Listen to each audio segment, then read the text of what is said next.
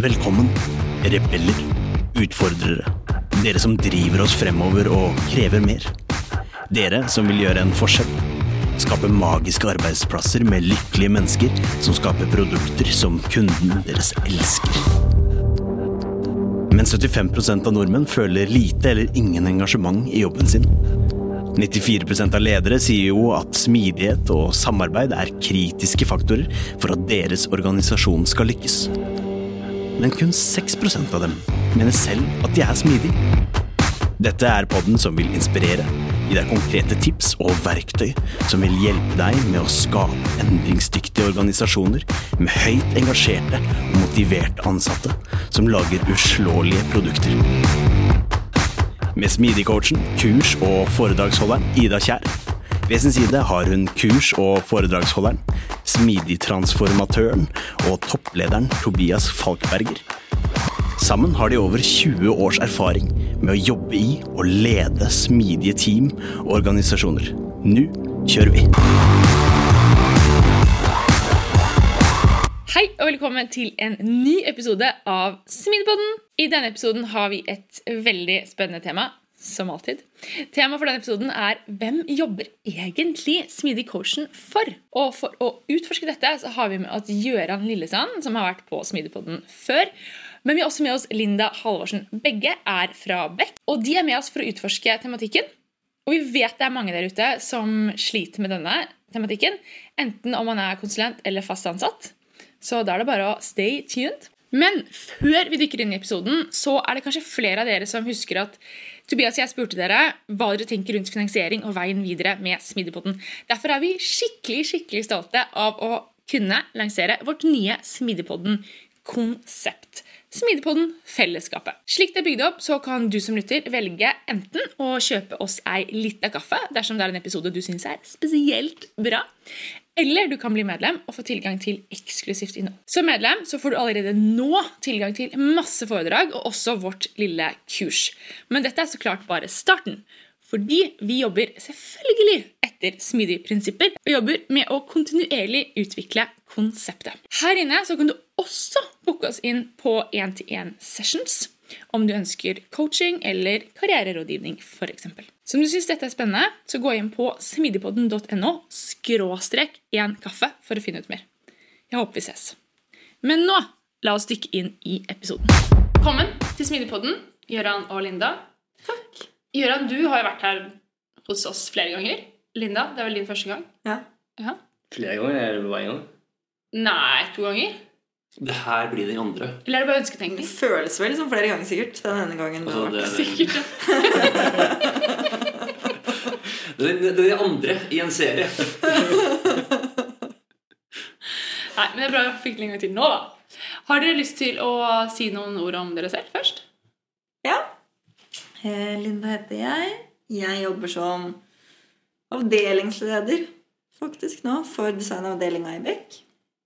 Eh, og er eh, sånn utdanningswise er jeg liksom selv designer. Industridesign fra NTNU.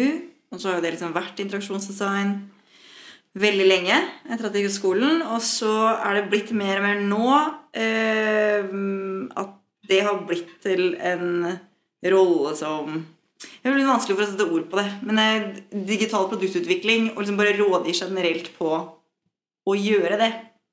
Med alle de aspektene som kommer inn av det, både liksom team og de ulike fagene. Men jeg merker at jeg er veldig sånn Det er liksom designfag og brukerorientering som ligger veldig som en sånn bunn. Og så har jeg blitt øh, ja, flink til, glad i å gjøre det i tverrfaglig team og liksom koble på alt det som også er da forretning og resten av organisasjonen. Etter hvert som de produktene blir ganske komplekse, så krever det jo mer å få laga de. Mm. Så da blir også den designrollen har bare blitt større og større. Ja. ja. Mm. Spennende.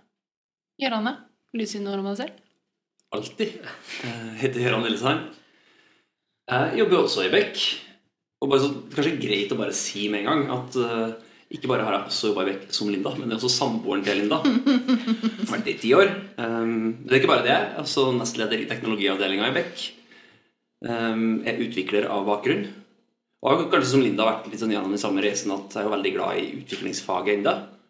Men driver jo i stadig økende grad med ledelse, på en måte både i Beck, men også som konsulent I Riks-TV. i Riks-TV. Så um, det er på en måte en sånn fin skvis mellom Linda på ene sida og Tobias på Riks-TV på den andre sida. Ikke en skvis, da. Et hamburger. kjærlighetsforhold. Jeg er kjøttet i den hamburgeren. Ja. Det høres ut som en god hamburger, spør du meg. Ja. Ja, det er det, det. Hvem av oss er bunn og topp? Tobias. Det- Det. Og med det går vi videre. Kanskje vi gjør vet. Alright. Men vi har et ganske mm, vi har et spennende tema for denne episoden her. Eh, tema som jeg tror kanskje mange av lytterne kjenner seg litt igjen i. En overordnet tematikk, kanskje man kaller det. En overordnet tematikk Ja. som går litt på typ liksom smidig coachens rolle i organisasjoner. Eh, vi diskuterte litt rundt det i noen altså internt, eh, når det er antatt internt versus eksternt når det kommer som konsulent. Eh, det er sikkert mange som har kjent Noen har sikkert kjent på skvisen begge veier, noen sikkert bare fra én vinkel. Jeg har jo vært konsulent. Eh, Ida blir konsulent nå, kanskje? Har vært konsulent og blir konsulent. Ja, så det er jo Så hvis man vil eh, Eller Gøran får man ikke leie inn, men eh, det, det, det andre to kan man få, få leie inn. Linda, jeg er up for grabs. Ehm, så, så det kan være interessant. Som, ja, så både Gøran og Linda dere er jo konsulenter, så, at, eh, så det er liksom en fin eh, aspekt på det. tenker jeg Vi kan gå, gå inn på, på litt. eh. For det, egentlig, det starta egentlig med liksom den interessante uh, skal si, nesten filosofiske refleksjonen. Uh, hvem jobber den smidige coachen for? Og Da begynte vi å snakke om det, og så tenkte jeg at ja, men det er jo enda mer interessant å kanskje drekke inn noen som, som har liksom enda mer kompleksitet, for de er jo som konsulent og har kanskje en arbeidsgiver i tillegg. Har noen andre forhold, og det er liksom kanskje enda mer kompl- komplisert. Så litt der vi står. Så jeg har nesten litt lyst til å bare kaste ut det spørsmålet bare sånn ut i luften. Hvem jobber den smidige coachen for? Og så kan vi ta det litt derfra. Er det noen som er gira på å si hva de tenker? Altså, jeg tenkte på det spørsmålet Jeg syns jo egentlig hvem spørsmålsordet er kanskje det vanskeligste her. Det er mye lettere for meg å tenke gjennom eh, hva. Hva jobber den smidige coachen for? For det kan jeg liksom lett få tak i i meg selv. Hva er det jeg liksom prøver å få til gjennom den coachinga jeg gjør? Hva er det jeg har lyst til å, å, å bidra til? For det er ganske sånn klart for meg at i en organisasjon som jeg opplever ikke nødvendigvis jobber så smidig som de kanskje burde eller kunne, så er det en barriere for at de får laga faktisk verdifulle ting på mest mulig effektiv måte. Så hva jeg jobber for som smidig coach, det er jo egentlig å bidra til at den digitaliseringen som jeg er veldig interessert i å bidra til, skjer. Og at det blir bra, og at man får gjort det på en måte som ikke sant? En sånn hensiktsfull måte hvor man drar inn forretning i arbeidet. At man gjør den kulturendringen hvor det ikke er en sånn splitt mellom IT og forretning, men at det liksom er samkjørt. At man har kontroll på liksom verdiskapning, at man gjør den der feedback-loopen, sørger for at man utvikler et produkt på en måte hvor man får det ut i et marked og eksponert for brukere, sånn at du får tilbake input på om det faktisk funker. Bidrar det til en effekt, og ikke bare at man måles liksom på Nå har du levert et produkt, ferdig, gå til neste, og da har du gjort jobben din. Så liksom hva jeg jobber for som smidig coach, det er veldig mye det der. Jeg vil få til bra digitale produkter som skaper verdi. Og så er det ganske mange hvem som jeg er borti for å få til det. Det er jo liksom det tenker da, i det der hvem jobber jeg for. Men det er jo veldig mange jeg jobber med, og er nødt til å jobbe med for å få til det. Og det er jo liksom eh, initiativet til å ha en sånn rolle opplever jeg kommer jo liksom ofte fra ja, kanskje en sånn digital avdeling eller en IT-side. Men hvem jeg jobber med for å liksom faktisk få til det jeg vil, det sprer seg veldig fort ut av den polen. I hvert fall i måten jeg på en måte Ja. med det på. da. Det er interessant, for det er litt det samme som jeg tenker. Um, men jeg, litt, jeg mener også at hvem um, hører ikke helt hjemme i egentlig spørsmålet. Fordi For meg så er det ikke, det handler ikke om at du Det er kanskje IT-teamet som spør om du kan komme. Men det betyr ikke at du jobber for dem. Du jobber for organisasjonen som en helhet. Og det målet organisasjonen skal oppnå. Um, og din jobb som smidig coach er i den grad det er mulig å være objektiv. Uh, og så er liksom 100 objektivitet Det er jo umulig. Men i den grad det er mulig å være objektiv, da. Ja, men, og det her er kanskje det samme som dere sier, bare med andre ord. da For at, Jeg har tenkt på det, for det, det, var det, det, var det spørsmålet vi fikk som prep, Linda og jeg. Eh, Så det, det, det spørsmålet har jeg tenkt på. Og det jeg har tenkt på egentlig at sånn det viktigste jeg egentlig har som kriterium for enhver leder, er jo faktisk å ha en egen agenda. Eh, Sånn at når jeg er smidig coach, så er det, jeg har på en måte mange svar på hvem jeg jobber for. Men til syvende og sist handler det om at jeg har en sterk mening om hvordan det er riktig å jobbe. Jeg er villig til å internalisere hva vi jobber for å få til, og jeg er villig til å gjøre en del ting for å komme dit. Som, som vil si at det er, sånn, det er mange jeg er villig til å krysse, og det er mange jeg er liksom villig til å ta noen prat med for å få det til.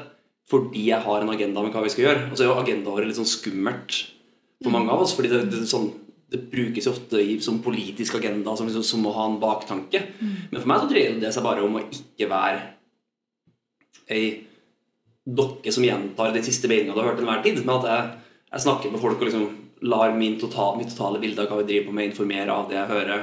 Og så er jeg villig til, liksom, jeg er villig til å stå i det, jeg er villig til å forkaste noen ideer, jeg er villig til å ak- akseptere noen ideer. Men jeg har en mening, så det, det måte det går an Ikke sikkert alle jeg jobber med vil være enig i det, men jeg mener at det går an å være både enig og uenig med meg. Og jeg er på en måte villig til å gå imot en del ting og gå for en del andre ting. Sånn at jeg vil jo på en måte si at det syvende og sist det jeg jobber for som smittecoach, er jo på en måte meg sjøl. Jeg jobber for å gjøre det jeg tror er riktig til enhver tid. Og så vil jeg legge til en liten ting i tillegg, og det er at jeg mener at jeg som smidig-coach jobber for teamet i en eller annen definisjon. For det, det, og det vet jeg så godt med meg sjøl at i hvert fall i rollen her hos Riks-TV nå, og for så vidt i hele karrieren min, så har jeg alltid jobba i et team i en eller annen forstand.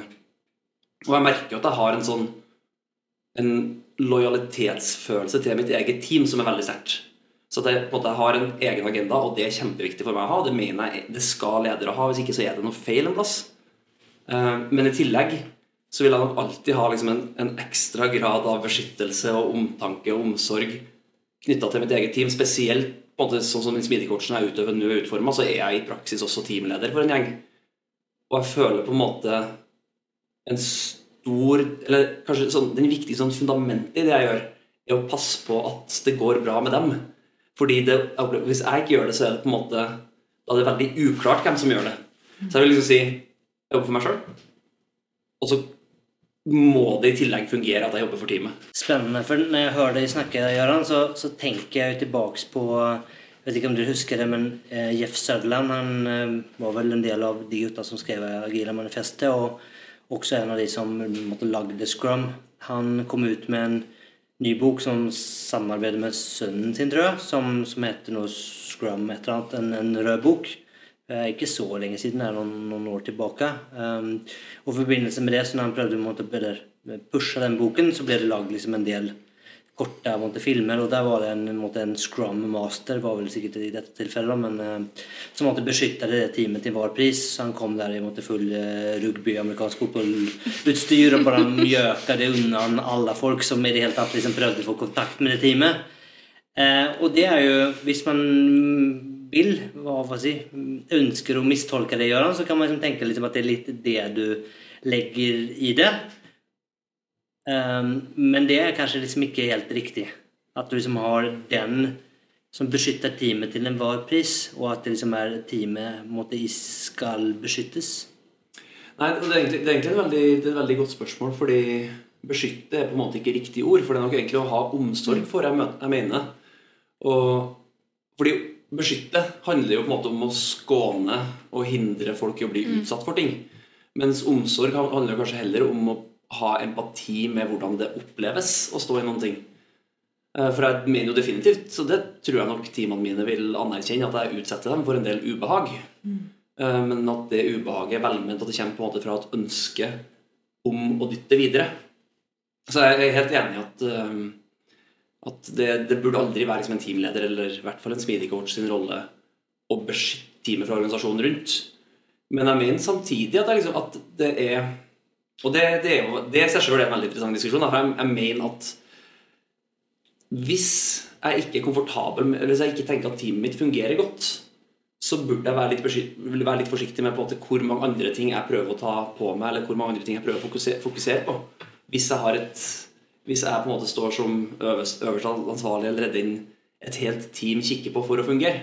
Og så kan det godt være at løsningen på et team som ikke fungerer, ligger utenfor teamet, eller ligger i liksom hvordan teamet er satt sammen, eller at løsningen på det ikke kommer til å være behagelig for det teamet. Det tenker jeg kan liksom være helt ok. Men at i hvert fall hvis vi i den type roller vi har, er det ansvarlig for en person, og det, ikke for en person, for et team, og det teamet ikke funker, så vil det være feil prioritering å begynne å kikke i andre retninger først. For meg er det kobla veldig tett mot liksom den der, det jeg egentlig vil, er å bidra til å lage gode produkter. Fordi teamet er så innmari nøkkelfaktor for å gjøre det. Så Hvis det teamet ikke funker, hvis ikke de jobber ja, på den smidige måten, hvis ikke de jobber liksom målstyrt, det blir ikke et bra produkt da. Og den lojaliteten jeg føler til teamet mitt, er jo veldig knytta opp mot det. Eh, og nettopp ikke nødvendigvis beskytte de, men enable de til å jobbe på en måte som gjør at de får levert det gode produktet, da, som jeg Ganske subjektiv. Jeg synes Subjektiv og objektiv er liksom ganske sånn interessante ord i det. For på en måte så eh, gjør jeg det objektiv Altså min rolle er objektiv ved å legge det på Jeg vil jo bare bidra til å lage bra digitale produkter. Men samtidig er det veldig subjektivt for meg hver dag.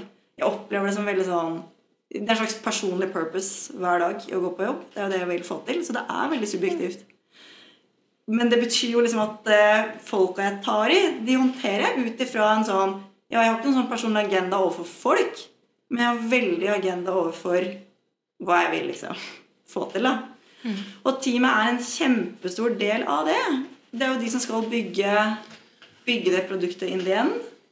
Og det er, jeg kjenner det Gøran sier, at da er det ikke egentlig å liksom sørge for at de har det bra hele tiden. Da er det også liksom å utfordre de når de trengs å utfordres. Men det er helt klart, jeg er helt enig i det Gøran sier, at hvis teamet ikke fungerer Det er ganske høy prioritert da for meg å liksom Da må jeg jobbe med det. For hvis de liksom ikke greier å få til sine leveranser, hvis ikke de greier å ha den, den kommunikasjonen som de må ha, ikke har de ritualene som de har hvis de trenger det, da knekk... Altså, Det er jo litt samme av det, på en måte. Hvor mye alt rundt fungerer. Hvis de ikke får levert. Og da blir fokus dratt ned på team igjen. Veldig fort, da. Det er litt på, for vi, vi har jo liksom privilegiet av å jobbe i en bransje og et land der vi har liksom så langt i mitt arbeidsliv i hvert fall kunne omtrent satt én til én med liksom folk har det bra og businessen går godt. Og så finnes det jo på en måte bransjer og altså, Når jeg kikker på og leser om uh, vår bransje i USA, så virker det som en mye mer sånn hardhendt bransje. og det er, liksom, det, det er folk der som er villige til å gjøre mye fælere ting med hverandre for å lykkes. For det, eller Jeg vet ikke om jeg har snakka om det, Linda, men jeg har tenkt på det at vi har jo egentlig to motsatte innganger til faget vårt. Der du må prøve å få til folk fordi du har lyst til å lykkes med et produkt. Um, jeg har lyst til å få til folk, og så er det fint at sånn, det, det er bra for meg at å lykkes med folk det henger også sammen med å lage produkt. For jeg har liksom øvd meg på å lage produkt, men så jobbe, mens jeg jobber med folk er det som på en måte motiverer meg naturlig, og det som kommer lett for meg. Uh, men det, så, sånn at du hadde kanskje funka bedre i USA enn jeg hadde gjort. Det er streng, da. For, for, Det, det er det jo. det ganske Men det, det er interessant på en måte om den, om den koblinga er sann. da For det har jeg på en måte behandla den som sann bestandig, for det er jo på en måte min lederstil. At jeg tror, jeg tror liksom veldig på fo- folk med mandat og råderett og tillit. At de, det er den beste måten å lykkes på. Men hvis, på en måte, hvis det har begynt å komme forskning om at det funker kjempebra å svinge pisken og brenne gjennom arbeidsstokk, og du klarer, liksom, du klarer å rekruttere nye folk uansett, så det kommer til å gå, gå bra Jeg vet sannelig ikke hvor godt det har fungert som leder i en sånn verden. Fordi liksom, det, jeg tror på at grunnverdien min er folk mer enn det produkt. Mm. Ja. Men det er jo, for det er jo interessant, for det, det, det sier jo egentlig alle sammen, at dere har jo en, eh, hva skal vi kalle det, en tro på kanskje man kan si, mm. at fornøyde folk lager produkter som gjør fornøyde kunder, som igjen skaper måte, forretningsverdier som skaper resultater. Dere har jo en overbevisende tro på at det sånne ting henger sammen. Og det er kanskje grunnen også til at dere svarer litt som dere svarer. Dere, dere nikker, men dere det, dere, svarer på, ser ikke at dere nikker. Altså, det er jo um, Nå har jeg nettopp kommet liksom fra en sånn uh, uke med litt uh, ja, coaching faktisk av team, hvor vi har øvd på å jobbe i team. Og en av temaene som vi har snakket mye om da, med de gruppene som vi har coacha, det har vært trygghet i team.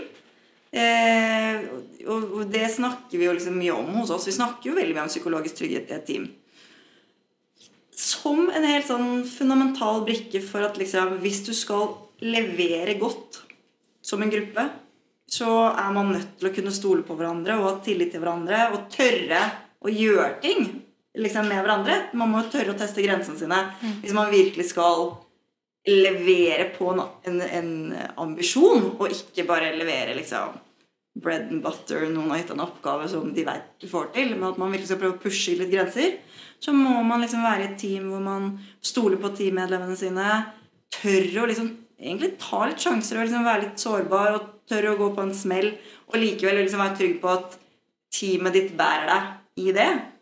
Um, fordi liksom de sjansene er liksom det som pusher oss videre, da.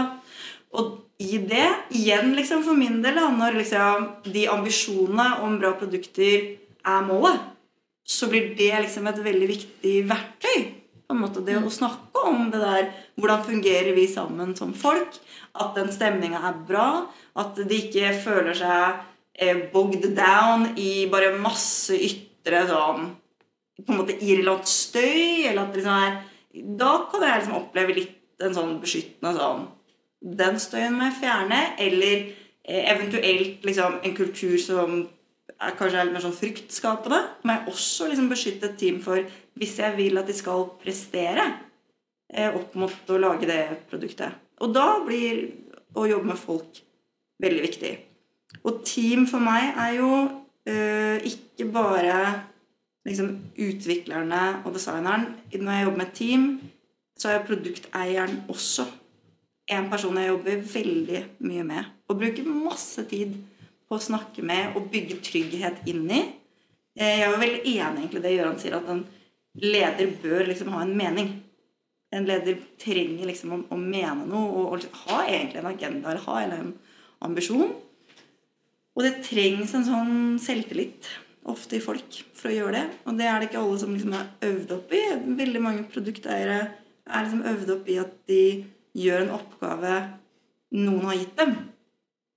Men når du er i en sånn produktutviklingsverden hvor du skal lage et produkt og hele tiden vurdere om dette produktet er bra, om det er det riktige vi lager, er vi på riktig vei, så må du liksom kunne skape deg din egen formening om gjør vi det rette nå. Handler det om faglig integritet på et vis? Eller integritet, i Eller integritet generelt? Jeg tror nesten det handler mer om et slags mot. Jeg, jeg tror det for veldig mange er, det er veldig skummelt å mene og melde en mening veldig sterkt. Fordi du kan jo mene feil. Altså, du, du kan jo ha en mening som bare viser seg å ikke stemme. At din idé om produktet bare Nei, det floppa jo, eller det funka ikke. Så det er jo det er sårbart å liksom tørre å mene noe. Og liksom én ting er jo på et, eh, på et sånt nivå som hva slags produkt burde vi lage? Det er jo ganske stor mening å ha. Men det forplanter seg jo veldig ned i hverdagen. sånn, Alle de små tingene. Hva burde vi gjøre i dag?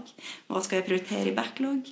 Man må også mene noe om det. Og de teamene eh, som liksom Jeg tenker ofte lider Eller når et team lider, så er det ofte fordi det er ingen som tør å ta en beslutning. Eller at man hele tiden leter etter beslutning et annet sted, og så venter man på den beslutningen. Men når teamet liksom tør å ha en mening, og det kommer veldig ofte fra en produkteier som tør å mene det, så får de mye mer sånn agenda og mye mer fart med en gang. Og det er kjempeskummelt. Det er dritskummelt å mene noe eh, hvor det ikke liksom er en åpenbar fasit noen har gitt at sånn, det er dette som er riktig å si, det er dette som det er riktig å bette på. For det er jo liksom et bett. Du skal jo lage noe nytt. Du skal jo liksom gjøre noe som ikke fins Altså Med mindre du sitter i et team som bare er kopier konkurrent, vi skal bare lage det. Altså Det er jo bare å gjøre. Men å utvikle liksom noe nytt og liksom finne ut av hva som funker Dritskummelt, liksom. Det, kanskje egentlig så er det at agenda blir på en måte feil ord, for det handler vel egentlig om å tro på noen ting. Og det, og så kan man for så vidt tro på mye rart, men det å, det Det- å være villig til å tro på noe i stedet for liksom bare bære andre sine meninger og bære andre sin tro. Kanskje ha en visjon? Kanskje rett og slett ha en visjon. Ja. Og, og så, er det jo, så er det jo en balanse, da, for man skal liksom det er jo, Du skal balansere mange hensyn, og du skal lytte til mange folk for det også. Det har vi sikkert gjort alle sammen, og sikkert alle som hører på, at du har jobba med noen som tror for sikkert. Og det er jo jævlig vondt å jobbe med noen som vet alt du snakker om. Men det, liksom, det å snakke med folk som har en som for alle liksom har sterk tru og sterke overbevisninger, men som på en måte så, sånn for, Og det er kanskje en forskjell, for når du vet ting, så er det innmari vanskelig å være med og diskutere det. Men når du har en sterk tru på noen ting, så er du jo villig til å diskutere det fordi du står trygt i det du tror på. Så du er med på å snakke om det, og du føler deg på en måte ikke trua av å bli utfordra på det. Og når du er inne på produkttida, så er det, så er det også jeg tror, det, jeg tror også det er en rolle som er vanskelig nå for tida, fordi den har jo egentlig forholdsvis nylig endra seg veldig mye. At det er jo ikke så lenge siden å være produkteier. Det handler egentlig bare om å liksom forstå bransjen eller forstå domenet best mulig. Altså Jeg jobba ganske lenge med logistikk, og da var produkteiere var dem som hadde på en måte mest inngående kjennskap til hva som skal til for å sende en pakke fra Svalbard til, til Oslo. Og det, var, altså, og det var folk som gjorde mye bra der, for det, Gud vet at det er komplisert. Um, mye vanning, nå. Det, det må jo trappe ned litt. Um, mens produktledelse har jo egentlig Sånn som jeg forstår det, sånn, de siste tre til seks årene så har det gått over til å bli sitt eget fag som egentlig ikke lenger er domeneknytta. At det dreier seg jo egentlig om å være god på eksperimenter og måling og innsikt. Og aller helst så skal det jo kun begge deler. Men jeg, ja, nå, nå, vrir jeg vel kanskje egentlig det spørsmålet her ganske godt, da, men eh, jeg skulle jo egentlig ønska meg å begynne å møte flere produkteiere som tror på noen ting rundt arbeidsmetodikk og hvordan man utvikler gode digitale produkter, i stedet for å vite mye om domenet eller bransjen. Og så skal de stakkarene helst kunne gjøre begge deler. Men i hvert fall den nysgjerrigheten, eller at folk liksom begynner å sette seg inn i og begynner å tro på hva er det egentlig man skal gjøre for å utvikle digitale produkter som lykkes i 2022. Og det jobber jeg veldig for. Altså, hvem jobber smidigkortsen for? Det jobber jeg veldig for. Merker jeg i hverdagen min. Men for å gjøre ting liksom litt mer eh, kanskje komplisert, så er jo eh, Dere er jo konsulenter, og man kan tenke seg at dere kan jo eh, Det er jo mange selskaper som, som har kanskje ganske tetta skott. altså IT er en form av avdeling. Det kanskje til og med kan være et eget bygg, eksempel, og så har du noen som, noen som driver med noen form av forretningsutvikling eller noe. Og hvis man da ser at man, dere sier at dere jobber for, for teamet primært, men så er det da kanskje innleid av det her forretningsbygget. Hva, hva tenker dere? Så, liksom, det, er, det er liksom de som måtte ha liksom, tatt dere inn. Det er de som betaler regninger. Det er liksom dem som har en kanskje forhold til dere, har en forventning til at de skal liksom, levere et eller annet. Hva, hva tenker liksom, i en sånn kontekst? Det er jo ikke uvanlig at man sitter i en sånn kanskje kaller det squeeze. da. Unnskyld at jeg forstyrrer deg midt i denne superspennende episoden. Men jeg vil bare minne deg om Smidigpodden-fellesskapet. Kanskje har du lyst på eksklusiv tilgang til foredrag, kurs og masse masse mer. Eller kanskje du bare liker denne episoden spesielt godt. Eller kanskje du bare syns Smidigpodden er som plommen i egget eller rosin i pølsa om du vil, og vil vise at du setter pris på oss. Da må du gå inn på smidigpodden.no en kaffe for å bli en del av Smidigpodden-fellesskapet. Håper å se deg der. Kanskje først og fremst så er vel det jeg har opplevd med at det er desto viktigere da å ha sin egen agenda. Og så tror jeg nok jeg snakker nok på, på vegne av de fleste konsulentene i hvert fall jeg har møtt med at å liksom legge fra seg konsulentselskapet sin interesse ved døra, det er ganske lett. Og det skal jeg vel for så vidt innrømme. Jeg har, jeg har liksom alltid, når jeg går ut hos riksdelen også, så har jeg på en måte liksom en bekk bagasje, en plass bak i sekken. Men enhver, i enhver sving jeg på en måte er i tvil om lojalitet, så er det Riks-TV og Riks-TV sine mål jeg jobber for hver dag. Og så håper jeg for så vidt Tobias kan kjenne seg igjen at jeg er ryddig på det og tydelig på det når, når de står i konflikt, eller i hvert fall liksom er på en måte i friksjon med hverandre. Og hvis noen ting, så kan jeg av og til oppleve det som litt befriende å komme inn som konsulent, fordi jeg har på en måte en, en plass å trekke meg tilbake, eller et slags sånn alibi for å ikke være en del av det som gjør vondt internt. Fordi altså For all del så kan det sikkert en, det er en større regning som plukkes opp av en av leirene enn det det ville vært som ansatt. Eh, Men til syvende og sist så har jeg på en måte Jeg kan på en måte ta ut en distanse til det som er sånn Ok, men de greiene dere driver på med der, det trenger ikke jeg være en del av, fordi jeg er tross alt leid inn for å få de greiene her til å fungere. Så om IT-bygget ikke er enig med designbygget, så er det jeg tror på, det er hva er det som skal til for, at, for å lykkes med produktet, eller for å lykkes med tjeneste, eller for å lykkes med verdiskapning eller verdiforslaget vårt. Og det er jo sikkert først og fremst at de to byggene må enten rives eller klinkes sammen mm. til ett. Så du tenker at det er, måte, at det er lettere å ha en form for distanse til problemstillingene som oppstår, da? Som konsulent? Ja, det tror jeg faktisk av og til at det er. Altså, og det er altså, jeg, jeg, jeg håper i hvert fall ikke at det oppleves som en, sånn, som en distanse i hverdagen. Men det er nok lettere å ikke, å ikke føle seg fanga i det som er den interne dynamikken. At uh, jeg har noen å snakke med av og til som er sånn Ok, men jeg kan trekke meg litt tilbake for det her, og så kan jeg, kan jeg stupe inn i det igjen. At det går, går kanskje lettere, lettere an Eller i hvert fall et bedre, en bedre krykke for å skape en distanse før du stuper inn igjen. Jeg tror det er lettere å, å, få det i mangel på et bedre norsk litt, litt mer sånn liksom bird's eye view Mm. over situasjonen. Det tror jeg er enklere når man er eh, konsulent, enn når du er ansatt. For da sitter du så innmari i det. Eh, på en annen måte, da. tenker jo, Av og til så tenker jeg liksom det, jo, det føles jo som styrke når man er helt ny som konsulent et sted, at eh, man sitter litt utafor. Så det er liksom ingen sånn innebygd lojalitet. Og så merker jeg det jo, i hvert fall på den måten vi er konsulenter da, eh, fra Beck, at vi, vi blir jo sittende veldig lenge hos en kunde. Så vi, vi får jo ganske sterke lojalitetsbånd ofte liksom, til de folka vi jobber med, for det er jo liksom kollegaene våre hver dag.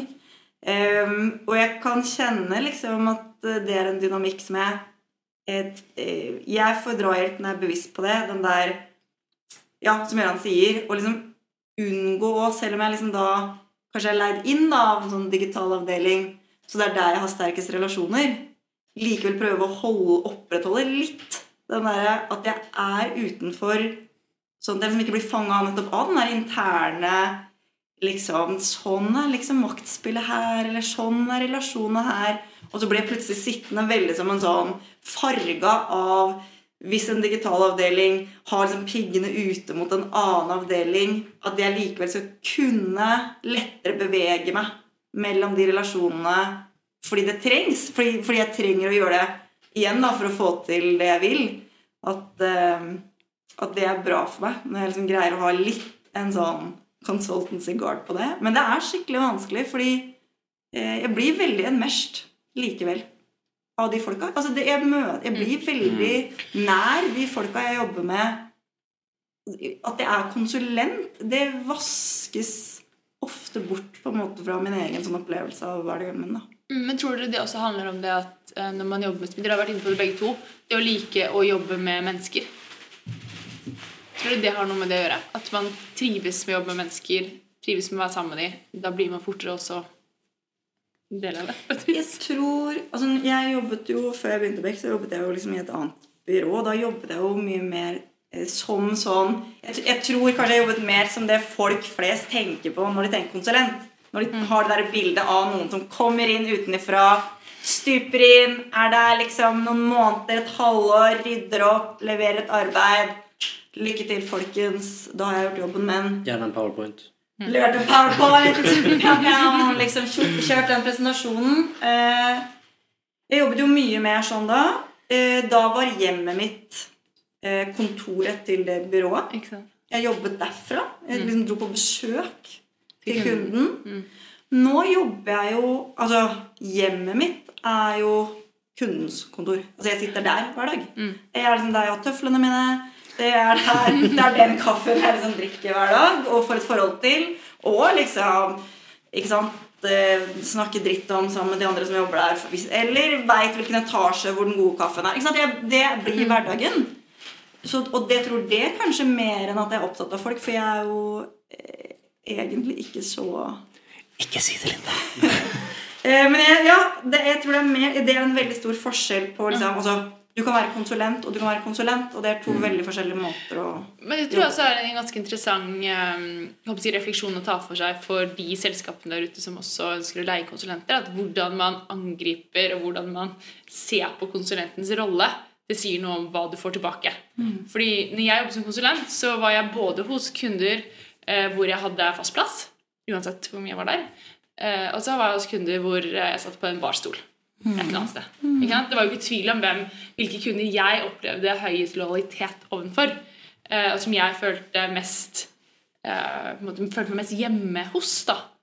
Eh, jeg var jo Min siste kunde når jeg var konsulent i Deloitte, fikk jeg liksom eget kontor, og det var liksom, jeg ble behandla som en av gjengen. liksom. De hadde kontorer da, var veldig sånn, det var ganske digg, faktisk. Men det er Men um, du blir liksom behandlet som en del av gjengen. da. Eh, og den følelsen av å bli inkludert, det gjør jo noe med deg.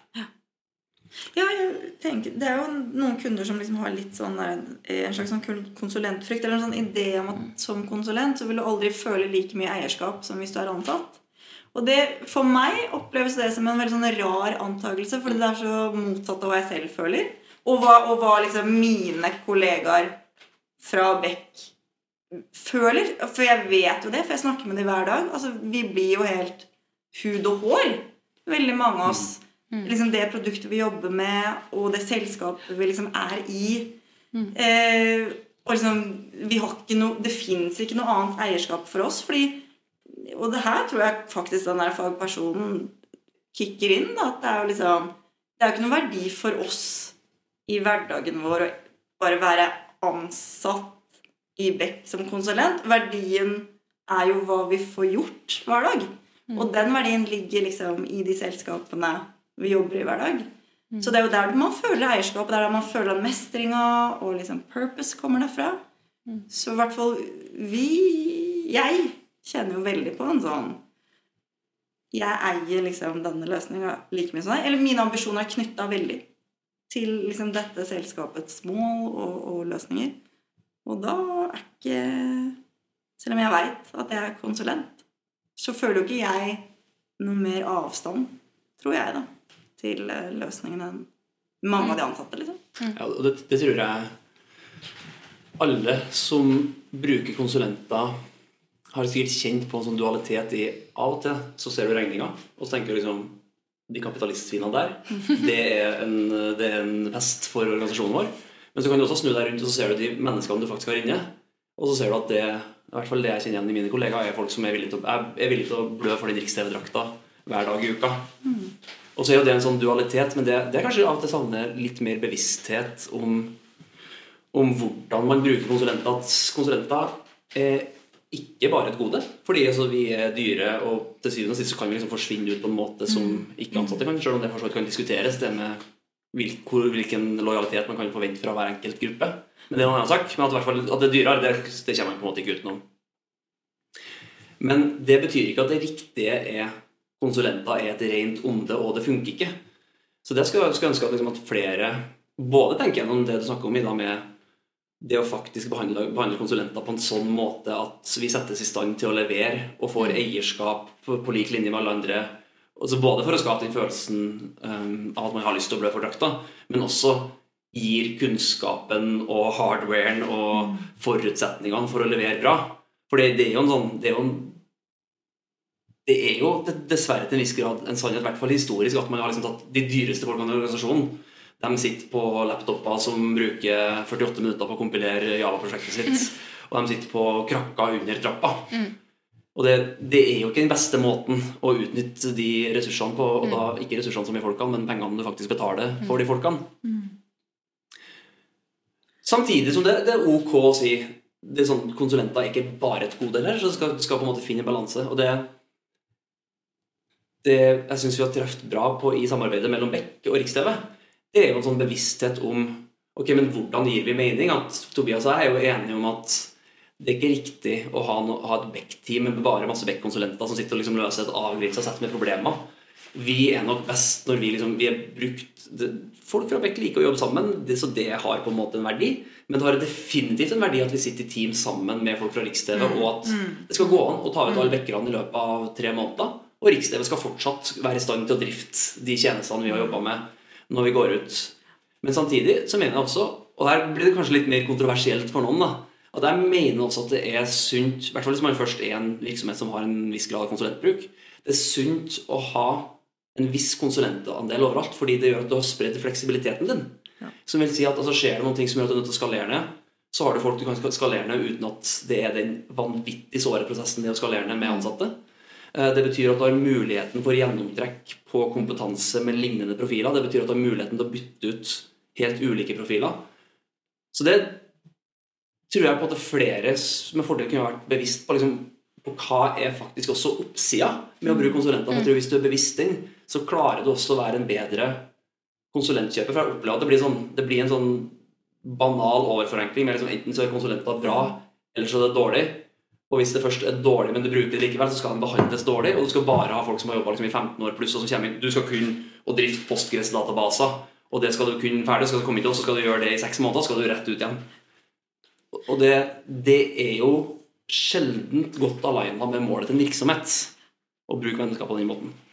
Jeg syns jo veldig mange kunder kanskje liksom nesten bruker den makten de faktisk har som kunde, litt for lite egentlig i møte med konsulenter. At det er For nett, ja, Bionis, jeg har sett veldig mange eh, liksom, uheldige og dårlig håndterte rulleringer fra ulike selskaper. Tenker sånn Det der skjønner jeg gjør vondt, liksom, når du som kunde sitter igjen med liksom gått rett i fella, og plutselig så nappes liksom ut en sånn nøkkelperson uten at du får sagt noen ting.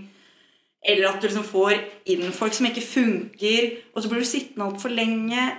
Men jeg tenker jo liksom av og til at Og jeg har sagt det av og til òg til eh, kunder jeg har jobbet med, at det er lov å si fra til konsulentselskapet ditt. Mm. 'Denne personen funker ikke', eller 'dette er ikke bra nok'.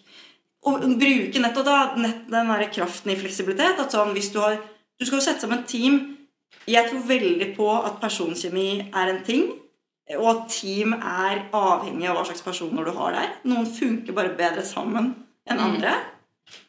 Altså Hvis du har konsulenter Du kan jo på en helt annen måte faktisk teste ut det. Og jeg, ikke, nå- jeg vil ikke oppfordre til at jeg alle kundene skal liksom hive folk inn og ut. Men hvis du Men- ikke gjør det, da, så skal jeg si altså hvis folk står, Noe av det verste jeg ser, så er det å møte ordentlig dårlige konsulenter. Altså, Ja, det, ja, det er så skadelig for alle deler av det. Ja, men det er det. Så liksom, hvis du opplever det som kunde, bruk den muligheten til å si den personen her funker ikke. Kan vi bytte, liksom? Ja, det her er ikke bra nok for meg. Og, si det til konsulentselskapet ditt. Det er jo ingenting altså, det er ingenting som hadde vært verre for meg enn å vite at i ett år har du vært skikkelig misfornøyd med liksom en person på teamet som jeg kunne ha gjort den med. Som jeg kunne ha gjort Det en er enda verre. Tenk om den personen de er skikkelig misfornøyd med, er deg. Ja, det er jo en helt man- egen podkast. Nå. Jo, men Tenk om man selv sitter i en sånn situasjon, Ja, da, og så får du ikke vite om det. og så... Men det tenker jeg er uavhengig om du konsulenter konsulent eller Ja, ja, ja, selvfølgelig. Selvfølgelig men. Er men eh, jo, det er viktig som ja. ja. Men men jeg tenkte til, tilbake til, til det du sa litt sånn, Gøran, eh, tidligere. egentlig, At, at, eh, at det med å måtte ha en, en mening eh, Og jeg tenker det, det er kanskje tilbake altså Litt sånn Så var du liksom inne på liksom, forskjeller mot hva kan kalle det USA. da. Um, og jeg tror kanskje det er også kanskje en, en, en ting som jeg tenker uavhengig nesten kanskje både konsulent og ansatt, at det er en, en skifte at du ansetter folk som kan noe, og som har en mening, ikke de som gjør det du sier at de skal gjøre. Eh, og at liksom der har det kanskje skjedd, og derfor så er jeg liksom tilbake til som du sa, at kanskje spørsmålet er feil. For at hvis du leier inn folk som bare skal gjøre det du mener at du skal gjøre, så det, det er jo til viss del så kan jeg kanskje argumentere at det er noen form av skalering, men det er jo en veldig måte, begrensende skalering. Da. Du vil vel kanskje egentlig ha mennesker uansett eh, som, som tenker selv, og liksom, så kan det være fint at de har måte, kanskje samme eh, verdibase eller måte, målsetning, kanskje tro på i hvilken, hva som skaper hva. Det kan jo være en fordel at man liksom er kanskje omforent der, men at det er kanskje noe, noe der som, som, som skal til. Da, og til, for å knytte tilbake til der vi startet alt det her, da, med hvem du jobber for. da. At det liksom er en, en, av at en, en endring der. At man kanskje ikke nødvendigvis er så interessert lenger i å bare ha folk som utfører det du sier. Men har dere sett en forskjell? Nå har vi, vi alle sammen har jo jobbet noen år. Eh, har det, jeg tenker at det har det skjedd en endring der? At det liksom har blitt mer rom for å tenke selv? da? Eller måtte ha en, en mening? Eller, du, du kalte det agenda, men, men det er kanskje liksom en mer en um, Hva landa vi på? Um, Visjon. visjon. Jeg tror i hvert fall Altså, jeg mener at vi som konsulentselskap har sett det over flere år, for det, det har nok vært kan vel på en måte si at det har vært kongstanken til Beck hele tida. Vi, vi er et selskap som vi, utdanner, vi ansetter mye nyutdanna folk. Og så har vi et veldig sterkt ønske om å bygge dem til gode, komplette, helhetlige fagfolk, og for så vidt konsulenter. Men det liksom, konsulent betyr jo egentlig ikke noe annet enn en måte både flink til fag og organisasjon slash produkt slash folk. Så at man, at man ikke bare skal være god til faget sitt. Og det tror jeg vi opplevde som motbakke på en helt annen måte for en åtte-ni år siden enn det vi gjør i dag. At Før i tida så var det en sånn Det var en veldig gjengs frustrasjon at Det høres sikkert litt cocky ut på vegne av Beck, men at folk fra Beck ville, ville veldig mye. Men det var ganske mange kunder der det bare ble døra i fleisen og, og sånn, litt sånn tilløp til dårlig stemning. Mens jeg stadig i større grad opplever at nå er det en sånn Det må fortsatt liksom forklares at vi er folk som kommer inn med, med, måte, med et ønske om å bidra inn i kultur og bidra inn i team og prosess og organisasjon i tillegg til å være fagfolk. Så langt svar på et enkelt spørsmål. Men jeg tror det, det, det korte svaret er jo ja, det har definitivt vært en positiv endring. Og kanskje først og fremst der IT, eller produkt, digital produktutvikling, har gått fra å være en sånn hold kjeft og sett deg ned på krakken under trappa og gjør det du har fått beskjed om å gjøre, til det er på en måte en del av kjernebusinessen. Og selvfølgelig skal de folkene som jobber med det, ha lov til å ha en mening. Og at uh, Jeg opplever nesten mer, oftere at, at det, det er kanskje mer et sug i mange team etter å ha nok folk som mm. både kan fag, men som i tillegg mm. er villige til å engasjere seg i produktutviklinga og på en måte ting rundt det. Mm.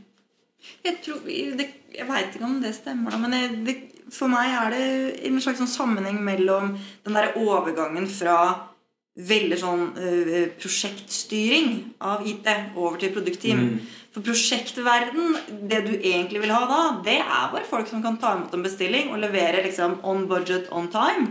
Da vil du ha de kodemaskinene egentlig som bare tar den oppgaven, fullfører den med høy kompetanse. Men i et produktteam hvor vi jobber mer utforskende og ja, trenger den valideringen hele tiden av funker egentlig dette produktet, får vi den effekten som vi vil, da trenger du mye mer folk som setter spørsmålstegn egentlig ved hva er det vi gjør, er dette riktig prioritering?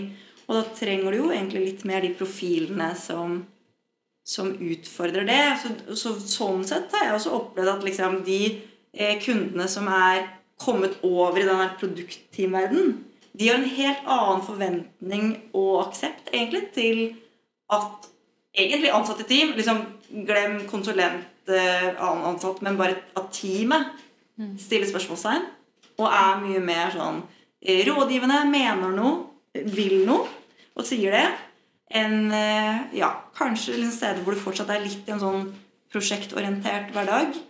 Fordi da er deadlinene så harde. Det er på en måte ikke rom til den derre å mene noe fra teamet og liksom fra grasrota. Liksom. Men her tror jeg jo, det er i hvert fall mitt inntrykk hvis vi tar litt tilbake til uh, USA Eh, sammenligningen her. At jeg, jeg, jeg, tror det at i Norge, kanskje Skandinavia, så har vi, har vi kommet lenger på liksom den evolusjonære reisen med det å omfavne det tenkende mennesket i mm. organisasjonen. da, På et vis enn det man har eh, kanskje andre steder i verden. da. Skal, skal du dra den drøyeste ligninga vi sikkert kommer til å gjøre hele dag? Fordi jeg hørte på en podkast på P2 om uh, krigen i Ukraina.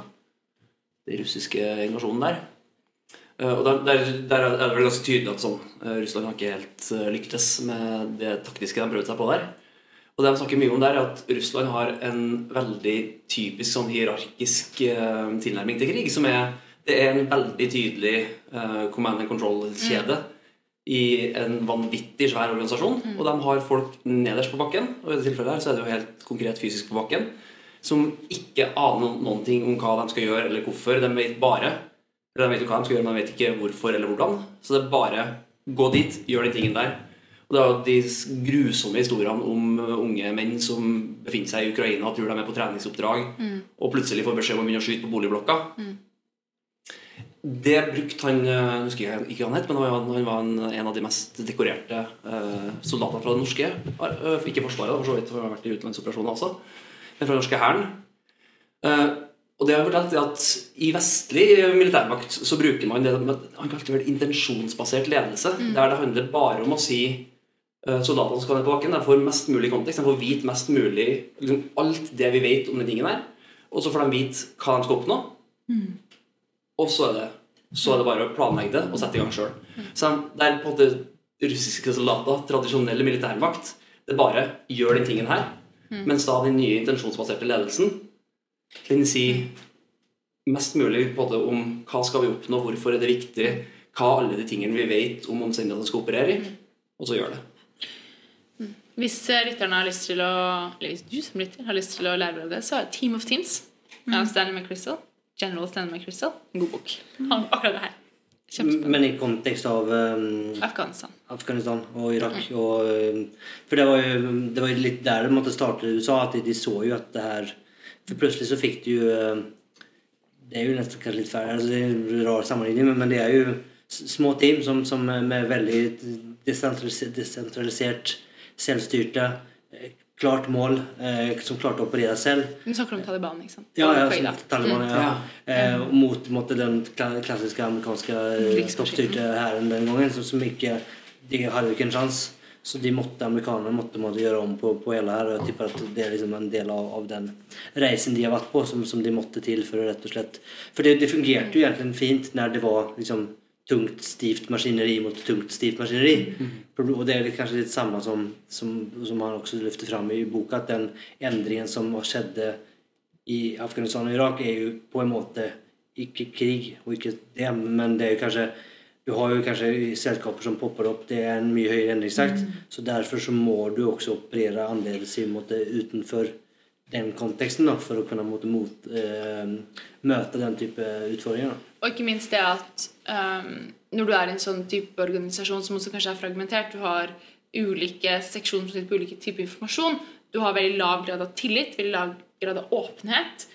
Helt sikkert det samme som skjer eh, i Russland nå. ser for meg. Typisk command control-struktur. Lite tillit, lite åpenhet.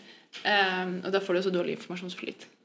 Det er jo et sånt skifte, det òg. Eller vi er jo ofte innom den tematikken, merker jeg. Den Altså, å gå fra prosjekt til produktteam er liksom et skifte. Men med det så kommer også den derre eh, skiftet fra top down-styring til bottom up-bevegelse. Og, og det og produktteamene er jo veldig sånn Ja, de som er på bakken, det er jo der det skjer. Og når du skal liksom være effektstyrt, så er det på bakken du ser den effekten. Så liksom å være At bottom up fungerer, blir liksom viktigere og viktigere, da. For den toppstyringa blir bare tøffere og tøffere. Det blir mer og mer uoversiktlig hva som skjer, liksom. Det er Altså, folk kan bruke løsninga di hver dag eller ikke. Det er liksom ikke sånn at de kjøper det for de neste ti åra, og da har du på en måte gjort salget ditt, og da Yes, det var den inntekta. Vi gjør valg hver dag i alle de digitale løsningene. Så du må liksom være så innmari på hver dag, og det er det skikkelig vanskelig å styre top down.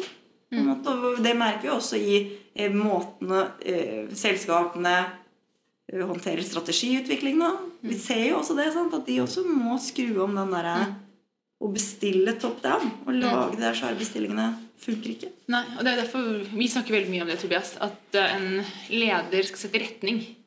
eh, Men at teamene selv skal kunne på en måte eh, finne ut akkurat stien de skal gå på. da At den retningen er så viktig. da Og det går tilbake til visjonen, kanskje.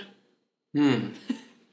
Jeg tror vi må nesten begynne å runde av. Ja. Tiden bare Kan, løper. kan, kan jeg, ha et, jeg har et siste spørsmål som jeg bare sitter og gnir på. Oh, et spørsmål. Ja, ja. Jeg Eller ja. tenkte, tenkte du skulle liksom knyte sammen sekken. Ja, men du, du, du Nei, Vi åpner med et nytt spørsmål. Eh, Det jeg bare synes var litt interessant, eh, ref liksom dette med konsulent, eh, ikke-konsulent, er jo det Kjenner dere noe på, på en måte tilgang til selskapet? Eh, Føler dere mer hørt fordi dere er konsulenter? Eh, For her har jeg hatt diskusjoner med andre med konsulenter og ikke-konsulenter tidligere om akkurat dette. Hva er deres refleksjoner rundt det? Jeg syns det er veldig interessant. Vi har jo eh, Vi har jo ansatte som velger å slutte hos oss for å gå til produkthus for å jobbe inhouse. Eh, ofte så er jo tanken har lurt på det selv. Mm. Får man liksom mer posisjon av å være intern enn jeg får som konsulent? Eh, og så vet jeg jo det, Min egen erfaring er jo at i hvert fall som helt eh, fersk konsulent et eller annet sted, så har jeg en slags sånn egen pondus veldig ofte fordi jeg er ny og jeg er utenfra. Og jeg er ikke en stemme de har hørt hele tiden. Og jeg har ikke liksom mast om det samme hele tiden. Men hvis jeg har vært konsulent der i tre år, så er jeg det. Da er jeg plutselig blitt eh, også en stemme som har mast. Så, ehm, og det tenker jeg også når jeg ser intern, at kanskje skillet ikke går mellom intern eller konsulent. Men det går veldig på får du til å navigere i organisasjonen eller ikke. Den som blir hørt i en organisasjon, opplever jeg veldig ofte de som er flinke til relasjonsbygging. Jeg kan jo se mange interne som også sliter med å bli sett og hørt og, og ta plass med det de mener, selv om det er helt riktig det de mener. Og det er de som ikke greier den der Gjør det fotarbeidet som må til. Skaffe seg liksom den tilliten i de lommene man trenger for å liksom få eh, buy-in eller commitment. Mens de som får til det, de får jo masse plass. Og det tenker jeg gjelder liksom for meg som konsulent, men det gjelder også for den interne produkteieren jeg jobber med. liksom, at det, Graden av vår egen navigasjonsevne eh, og relasjonsbygging er kanskje det som påvirker aller mest om jeg får til. For det er vel det er vel på en måte en, kombinasjon at vi har, vi har en ulempe og en fordel. For, for det, det er jo noen roller som helt åpenbart er utilgjengelig for oss. At jeg skal, jeg har, skal aldri og kan aldri på en måte oppnå rollen til Tobias eller det nivået av ledelse i Riks-TV som konsulent. Det er helt, helt åpenbart. Eh, Men samtidig så får jeg på en måte av og til privilegiet av å kunne få lov til å bli sett på som en outsider i de riktige kontekstene. Så at jeg, kan, at jeg på en måte av og til kan få ta ut en distanse der liksom jeg ikke mistenkes for å være en del av intern kompleksitet, eller hva det nå skal være. da. Eh, Men så tror jeg nøkkelen er jo egentlig det Linda sier, at du kan være konsulent og få masse innflytelse. Og du kan være ansatt og ikke få innflytelse i det hele tatt. Men det dreier seg egentlig bare om å både være villig til å være i stand til å investere sammen med andre folk og investere sammen med både andre ledere og ansatte, liksom kan en jobbe ut ifra. da. At innflytelse altså, For det gjelder jo uansett om du er ansatt eller konsulent, eller måte, om du er leder eller utvikler eller designer eller hva det er. Så kommer, innflytelse kommer jo ikke i kraft av en rolle eller at noen peker på deg. Det kommer jo i kraft av hva du er i stand til å få til, og hvilke prater du tar, og hvordan du klarer på en måte å formidle visjonen din eller det du tror på. Sånn at det, kan, det er noen begrensninger av og til, det tror jeg nok. Og det, og det er ikke noen tvil om at Det er jo litt tilbake til hvordan bruke konsulenter bra. At blir man liksom helt eksplisitt holdt utenfor, så er det jo vanskelig å, å skape verdi også. Kanskje, nå går jeg litt sånn over tid der, men det er jo noen virksomheter som skaffer inn konsulenter. Altså liksom det første du gjør, er å hive på slash, eller dash x bak uh, mailadressen og gir dem et eh, nøkkelbånd med annen farge. Og så skjønner jeg hvor alle de greiene der kommer fra. Det, og det, sånn, mye av, det, av og til så må man nok sikkert, og det er nok riktig. Men jeg tror i hvert fall det- er grunntanken om at men hvis du først skal bruke konsulenter, uansett om du liker eller ikke, så prøv nå i hvert fall å få det bra. Og folk leverer Da er vi kanskje tilbake til det med intensjonsbasert ledelse, at det gjelder også konsulenter. At hvis du militære meta- metaforen står seg ikke bedre og bedre, men hvis jeg bare får med børsa inn og får beskjed om å liksom ta den bygningen, så er det ikke så fryktelig mye, mye mer jeg får gjort. Men hvis jeg forstår hva det er vi egentlig prøver å oppnå her, så kan jeg være mye mer nyttig. Og det krever liksom både informasjon, tillit, tilgang. og sånt. da. Altså, som konsulent Titler er jo tilgjengelig for meg. Men påvirkning kan jeg ha ganske mye av. Mm. Så hvis det er påvirkning jeg er ute etter, Mm. så er det fritt for meg å gå etter, liksom. Er du fornøyd, da? Ja, jeg synes det var veldig interessante refleksjoner. Så med det så kanskje vi kan si eh, takk for at dere ville stille opp med både lokale og eh, deltakelse. Vi er back on Nydalen. Det er ikke dårlig, det. Det er ikke dårlig, det. Yes, Så med det, ha det bra, og takk. Tusen takk. Ha det bra. Ha det. Jeg vil bare minne deg om Smidigpodden-fellesskapet. Kanskje har du lyst på eksklusiv tilgang til foredrag, kurs og masse masse mer. Eller kanskje du bare liker denne episoden spesielt godt. Eller kanskje du bare syns Smidigpodden er som lommen i egget eller rosin i pølsa om du vil, og vil vise at du setter pris på oss. Da må du gå inn på smidigpodden.no skråstrek én kaffe for å bli en del av Smidigpodden-fellesskapet. Håper å se deg der.